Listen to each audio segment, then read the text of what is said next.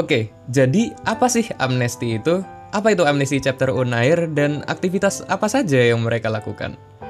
Halo Sobat Amnesti, selamat malam dan selamat datang di episode 1 dari podcast Amnesti Chapter Unair. Di episode kali ini, aku mau jawab beberapa pertanyaan sekaligus rasa penasaran dari Sobat Amnesti nih. Tak kenal maka tak sayang, perkenalkan aku Aji, aku merupakan mahasiswa aktif ilmu komunikasi angkatan tahun 2020 Universitas Erlangga. Kebetulan aku dipercaya sebagai koordinator media kreatif di Amnesty Chapter Unair. Tenang, di sini aku nggak sendiri. Aku mau menyapa dulu dua tamu undangan yang sudah hadir bersama kita malam hari ini. Yang terhormat, Koordinator Amnesty Chapter Unair, Pratnya Wicaksana. Halo, selamat malam Mas Anya. Masuk univ pakai orang dalam, selamat malam. Asik. Dan yang kedua ada yang kami hormati Wakil Koordinator Amnesty Chapter Unair, Ika Putri Rahayu. Selamat malam Kak Iput. Selamat malam, selamat malam juga untuk semua teman-teman Amnesty Unair. Siap. Nah, itu tadi ya Sobat Amnesty, dua orang yang akan menemani aku berbincang-bincang dengan Anda malam hari ini. Perlu diketahui bahwa mereka berdua merupakan mahasiswa aktif dari FH Unair angkatan tahun 2019. Oke, langsung aja. Di sini aku mau ngobrol sama Anya dulu nih. Sebenarnya Amnesty Chapter Unair ini merupakan organisasi yang baru berdiri, tapi gak baru-baru amat sih. Jadinya wajar bahwa masih ada mahasiswa, khususnya mahasiswa Universitas Erlangga, yang masih belum kenal dengan Amnesty. Anya, kalau menurut kamu nih, Amnesty itu apa sih? Amnesty Internasional itu organisasi yang terfokus pada kampanye hak asasi manusia. Oke baik, jadi bisa disimpulkan bahwasanya Amnesty itu merupakan sebuah organisasi yang memang pergerakannya itu terfokus dalam konteks HAM ya ya? Ya, betul sekali. Tapi ya kalau boleh tahu nih, kita sendiri di Amnesty Chapter Unair itu udah punya empat komite kajian ya ya? Apa aja sih kira-kira? Ya, empat komite kajian itu ada satu komite kajian hak perempuan, anak, dan keberagaman gender atau yang disingkat sebagai komite PAKG, Uh, yang kedua ada Komite Kajian Hak Sipil dan Politik atau Komite Sipol. Yang ketiga ada Komite Kajian Hak Ekonomi, Sosial, dan Budaya atau yang disingkat sebagai Komite Ekosop. Dan yang terakhir Komite Kajian Hak Lingkungan. Nah, tentunya mereka punya latar belakang dan fokusnya tersendiri-sendiri dalam uh, sebagai think tank dalam kampanye Amnesty UNER itu sendiri. Oke siap. Latar belakangnya seperti apa tuh ya? Kalau boleh diceritain dikit dong ya. Oh ya boleh banget, boleh boleh boleh. Oke, uh, langsung aja ya. Um, yang pertama tuh komite PAKG. Nah, jadi kenapa kok kita mengelompokkan tiga subtopik itu tadi ke dalam satu komite?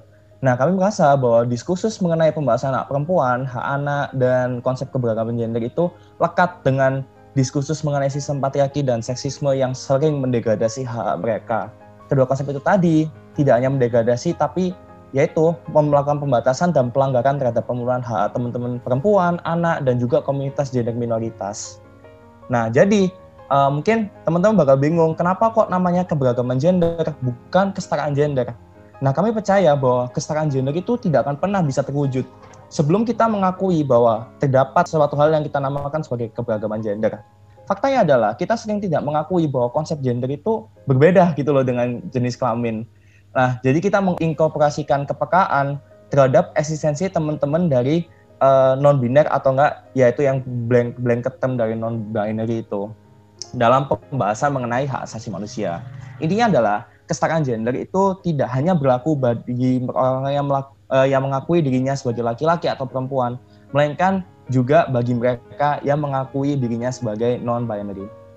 Lanjut, aku langsung lanjut ya Niji ya. Aku mau jelasin dua komite sekaligus ya, yakni Komite Kajian Hak Sipil dan Politik, Komite Sipol, dan Komite Ekosop. Nah jadi dalam uh, ilmu HAM in general, HAM itu bisa dikategorikan menjadi dua, dua kategori besar yaitu tadi Sipol dan Ekosop berdasarkan bagaimana pemerintah yang ada di suatu negara itu memenuhi HAM tersebut. Nah ketika kita berbicara melalui konteks hak sipol, pemerintah dapat memenuhi hak tersebut dengan cukup bertindak pasif ini yang bisa di bisa dibilang sebagai negative human rights. Um, contohnya adalah seperti hak kebebasan berpendapat, hak kebebasan berekspresi, hak hidup, hak untuk disiksa, dan hak untuk diperbudak. Nah, pemerintah bisa memenuhi dengan cara membiarkan orang itu untuk tetap hidup, tetap tidak diperbudak, tetap memiliki bebas untuk berekspresi, mengekspresikan pendapat-pendapatnya, dan lain sebagainya.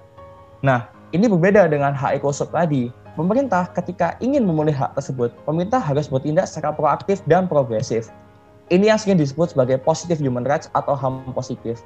Contoh, um, hak untuk mendapatkan jaminan sosial selama pandemi, di mana pemerintah harus aktif memastikan bahwa masyarakat uh, yang memerlukan itu dapat mendapat bantuan sosial. Contohnya adalah hak untuk mendapat pendidikan, di mana pemerintah wajib untuk um, memastikan kualitas dan juga akses pendidikan tersebut agar bisa diterima oleh semua warga negara. Lanjut, dan yang terakhir ini adalah Komite Kajian Hak Lingkungan. Nah, sering kali komite itu mendapatkan confusion gitu loh uh, ketika membahas lingkungan dalam koridor HAM. Soalnya pembahasan hak lingkungan dalam koridor HAM itu antroposentris banget gitu loh. Uh, padahal kalau misalnya bahas lingkungan itu kita harusnya ekosentris di mana melebar ke melebarnya tuh ke kayak div, uh, sat, uh, diversitas satwa dan sebagaimana macamnya gitu. Tetapi alasan kenapa kok komite ini tetap diadakan adalah agar kita tuh bisa membahas soal climate change di Universitas Erlangga. Soalnya uh, kalau kita lihat beberapa uh, belakang ini masih jarang banget gitu loh organisasi independen atau mungkin BEM atau UKM, Hima itu yang benar-benar concern terkait climate change. Padahal itu merupakan sebuah urgensi yang sangat perlu mendapatkan perhatian. Nah, memang tujuan utamanya adalah untuk membahas climate change sih dan juga uh, di dalam uh, kom, uh, komite hak lingkungan kita juga membahas banyak sekali konflik-konflik lingkungan yang memiliki dimensi pelanggaran HAM yang luas. Contohnya seperti kemarin konflik wadas dan yang uh, itu penggusuran penggusuran uh, hutan masyarakat adat untuk dibangun uh, untuk dibentuk eh kok dibentuk mohon maaf untuk ditanamin uh, industri kelapa sawit di Papua Barat seperti itu. Oke baik terima kasih penjelasannya dari Kak Anya itu tadi. Jadi itu tadi ya Sobat Amnesty terkait empat komite kajian yang ada di Amnesty Chapter Unair beserta latar belakangnya masing-masing. Next, aku mau ngobrol sama Kak Iput nih. Kak, Sobat Amnesty pasti sudah gak asing lagi dong dengan istilah Amnesty Chapter. Kalau menurut Kak Iput, apa sih arti dari Amnesty Chapter itu? Oke, jadi Amnesty Chapter atau Amnesty Chapter Lokal itu merupakan grup aksi perpanjangan dari Amnesty International Indonesia yang ada di tingkat universitas maupun komunitas. Jadi, pada pertengahan 2020 kemarin, Amnesty International Indonesia ini membuka pendaftaran bagi komunitas ataupun grup mahasiswa yang ada dalam satu kampus yang sama yang ingin mendirikan grup aksi amnesty di komunitas maupun kampus masing-masing. Artinya, di sini Amnesty Chapter UNER itu merupakan cabang dari Amnesty International Indonesia di Universitas Airlangga yang dibentuk untuk mewadahi mahasiswa-mahasiswa UNAIR yang tertarik untuk mengkampanyekan hak asasi manusia. Nah, posisi Amnesty UNER sendiri ini gimana sih gitu di Universitas Airlangga?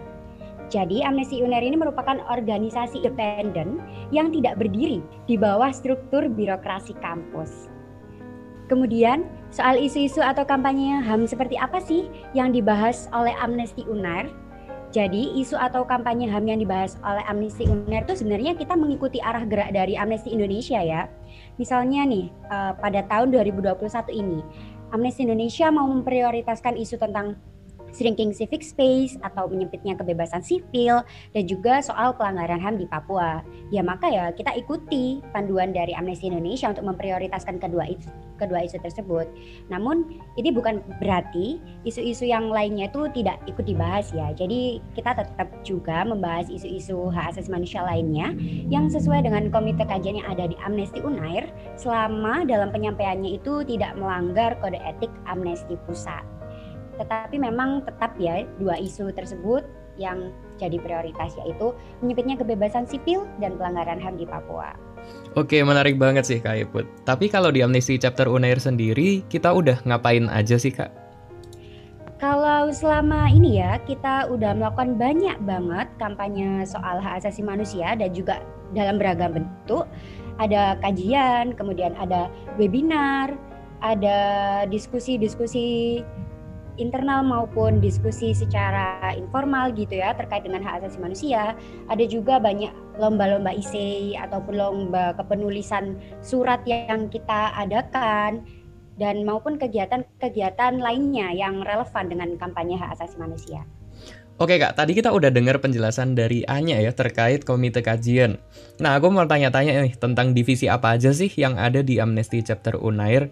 Dan kalau boleh nih kak Iput ceritain dikit dong tentang tugas pokok dan fungsi dari setiap divisi itu sendiri.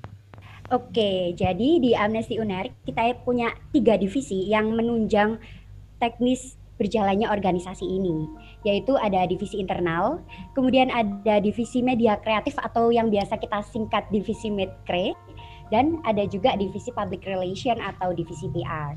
Nah, divisi internal tentu saja ya seperti yang mungkin kita sering jumpai di organisasi itu tugasnya adalah untuk pengembangan sumber daya manusia Amnesty UNER dan juga untuk menjaga hubungan baik dan kedekatan setiap anggota Amnesty UNER serta tak lupa juga untuk men memanajemen konflik internal di Amnesty UNER. Sedangkan untuk divisi Medcre atau media kreatif, tugasnya adalah untuk mengolah konten-konten Amnesty Unair menjadi bentuk visualisasi digital yang kreatif serta menarik dan juga beberapa kerja-kerja kreatif lainnya yang berhubungan dengan kampanye hak asasi manusia. Misalnya kayak yang sekarang kita sedang lakukan yaitu perekaman podcast.